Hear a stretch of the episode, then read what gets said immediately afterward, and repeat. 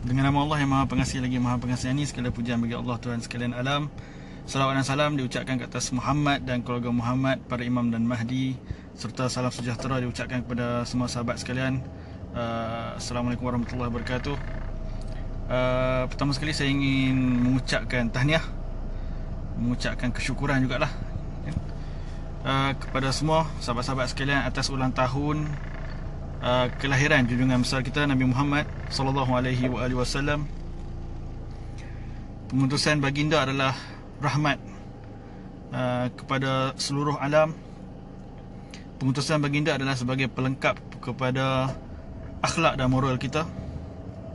Pemutusan baginda adalah penutup kepada uh, para nabi dan rasul sebelumnya dan pemula kepada uh, kepimpinan ilahi selepas baginda uh, Imam Imam Ali Ibn Abi Talib AS menceritakan tentang Nabi Muhammad SAW bahawa beliau ada, uh, baginda adalah seperti seorang tabib yang sentiasa bersiap sedia dengan uh, ubat-ubatan, peralatan-peralatan perubatan uh, untuk uh, menggunakannya untuk mengubati hati yang buta mengubati telinga yang pekak dan lidah yang tuli. Seterusnya, menggunakan ubatnya uh, untuk mengubati tumpuk-tumpuk kejahilan dan kebingungan. Itulah uh, bagaimana ya Tuan Zaki. Assalamualaikum warahmatullahi. Itulah ya yang uh, ibarat yang digunakan oleh Imam Ali ibn Abi Talib alaihissalam dalam memperincikan uh, Nabi Muhammad sallallahu alaihi wasallam di mana beliau menceritakan baginda sebagai seorang tabib sebagai seorang doktor yang mengubati hati yang buta okey? Telinga yang pekak dan sebagainya. Uh, saya ingin bercakap tentang satu isu lah.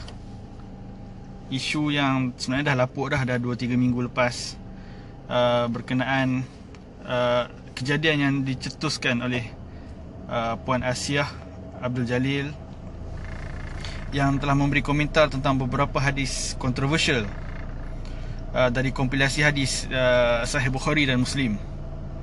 Uh, sehingga menimbulkan beberapa uh, reaksi di kalangan masyarakat. Reaksi ini kebanyakannya reaksi marah lah kan? namun uh, saya bukan nak fokus kepada uh, Puan Asia ataupun hadis yang beliau gunakan. Pada saya itu adalah uh, pendapat peribadi beliau dan hak beliau untuk berpendapat saya merasakan bahawa semua perkara harus uh, dibincangkan, didiskusikan secara ilmiah dengan nasihat yang baik, dengan beradab bukan meluahkan dengan perasaan marah okay? kejian, makian dan sebagainya okay? sehingga ada ancaman bunuh, ancaman apa ancaman fizikal kepada beliau pada saya itu bukan satu jalan untuk uh, menyelesaikan masalah ni. Apa-apa pun diskusi. Okey diskusi yang secara baik uh, tapi saya lebih mahu fokus kepada fakta berkenaan pensahihan pensahih, pensahihan keseluruhan kitab hadis uh, sahih Bukhari dan Muslim. Memandangkan terlalu banyak hadis-hadis yang dikompilkan di dalam kitab uh, sahih Bukhari dan Muslim ni yang dikategorikan sebagai controversial okay? dan uh, bercanggahan dengan Al-Quran saya bersama beberapa rakan pengikut Ahli Bait uh, pelajar-pelajar uh, Syed Ahmad Al-Hasan telah lama okay, menyuarakan isu ini dan membahaskan hakikat ini bahawa mensahihkan kedua kitab tersebut secara total komplit semua hadis dalamnya sahih okey. Dan meletakkan kedua kitab tersebut sebagai disebutkan sebagai kitab kedua selepas al-Quran adalah satu tindakan yang uh, batil dan tidak mempunyai asas. Okey. Terlalu banyak hadis dalam kitab tersebut yang menghina bagi saya berdasarkan pembacaan dan kajian saya selama ini. Terlalu banyak hadis dalam kitab uh, kitab tersebut yang menghina kepribadian Nabi Muhammad sallallahu alaihi wasallam. Para nabi yang lain namun ha, hadis tersebut dikategorikan sebagai sahih. Malah malangnya diandalkan oleh para agamawan hadis-hadis seperti itulah yang membuatkan uh, Islam diketawakan. Dan lebih buruk lagi hadis-hadis kontroversi ter, uh, tersebut boleh digunakan oleh para ekstremis untuk melakukan aksi-aksi terorisme. Na'uzubillah min zalik okay. Terlalu banyak ada contohnya uh, na'uzubillah apa hadis Nabi Muhammad membuang air kecil di tempat awam okey secara, secara berdiri. Kemudian hadis uh, Nabi Musa AS berlari, berlari-lari bogel di, di halayak ramai. Kemudian hadis Nabi uh, berkongsi berkongsi uh, perkara-perkara peribadi. Okey. Yang saya sendiri pun kalau saya secara, secara peribadi tidak akan berkongsi perkara tersebut. Tapi hadis uh, atau, asar-asar ini mengongsikan perkara tersebut. Uh, memang kalau saya nak kongsikan semua hadis-hadis tu memang terlalu banyak lah okay. uh, nanti insyaAllah dalam track-track lain saya akan boleh kongsikan sedikit sebanyak tentang hadis-hadis tersebut jadi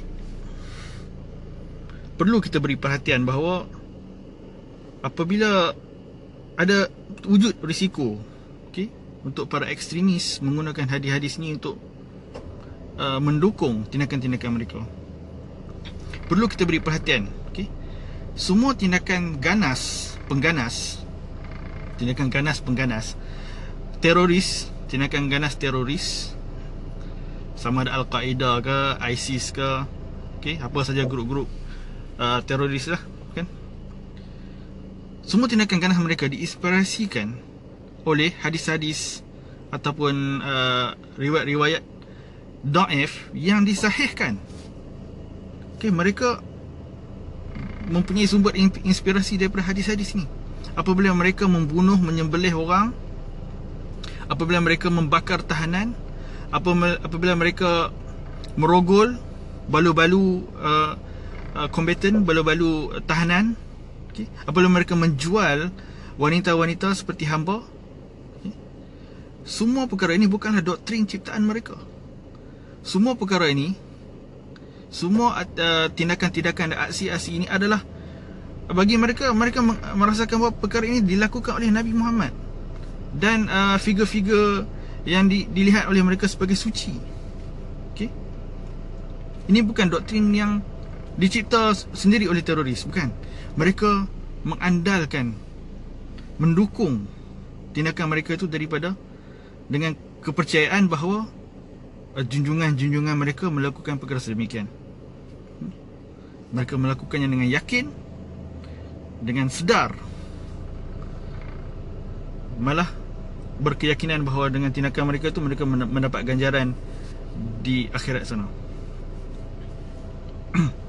Jadi uh, bagi kami para pengikut Ahlul Bait uh, dan bersandarkan daripada guru kami Syed Ahmad Al-Hasan serta para imam Ahlul Bait telah mengajarkan kepada kami metod untuk menentukan kesahihan hadis-hadis.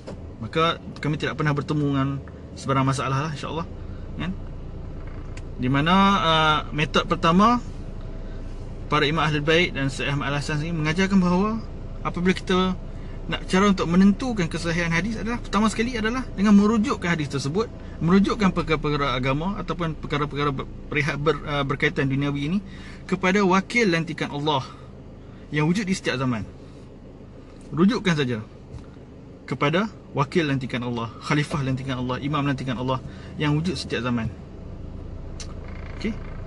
Rujukkan kepada mereka kerana mereka lebih tahu tentang sunnah Nabi Muhammad sallallahu alaihi wasallam daripada mana-mana manusia yang wujud. Mereka lebih tahu mana satu yang daif, mana satu yang dipalsukan, mana satu yang dibuat-buat dan mana satu yang asli datang dari dari langit. Turun kepada Nabi Muhammad sallallahu alaihi wasallam. Kemudian uh, perlu uh, perkara, perkara kedua kaedah kedua adalah dengan merujukkan semula sebarang hadis merujukkan semula dan membuat perbandingan dengan Al-Quran okay. mana para imam ahli baik menyebutkan bahawa jika ia selari dengan Al-Quran maka terimalah jika ia bercanggahan dengan Al-Quran maka tolak hadis tersebut okay. dan uh, Al-Quran mengajarkan kebaikan, mengajarkan uh, rahmah, lemah lembut, maka dengan senang jika kita bandingkan hadis-hadis yang ganas ini, kita rujukkan semula dengan Al-Quran dengan mudah kita boleh tahu bahawa hadis tersebut daif, batil tidak menjadi sebarang sandaran seperti hadis uh, pembunuhan tawanan perang dan sebagainya mustahil Nabi Muhammad wasallam yang mana disebutkan sebagai Al-Quran bergerak boleh melakukan tindakan-tindakan sedemikian. Walaupun disebutkan sebagai hadis, walaupun hadis tersebut disahihkan, kita boleh tolak. Kerana ia bercanggahan dengan Al-Quran. Okey. Maka dengan dua perkara ini merujukkan kepada merujukkan kepada wakil lantikan Tuhan setiap zaman dan ataupun merujukkan kepada Al-Quran kita boleh mengetahui dengan mudah kesahihan uh, kebenaran hadis tersebut sama ada ia boleh diandalkan ataupun tidak. Maka Itulah berkaitan dengan pensahihan total Sahih Bukhari dan Muslim Pada saya ia perlu dikaji semula Dan Ramai juga ilmuwan-ilmuwan Ilmuwan-ilmuwan Islam Terutama dari kalangan pengikut ahli baik Yang menyuarakan hal ini. Okay. uh, Dan meletakkan Kedua kitab tersebut sebagai kitab kedua Setelah Al-Quran Perlu juga dikaji semula Perkara tersebut. Okay, Kerana terlalu banyak hadis yang bercanggahan dengan Al-Quran Di dalam Sahih Bukhari dan Muslim.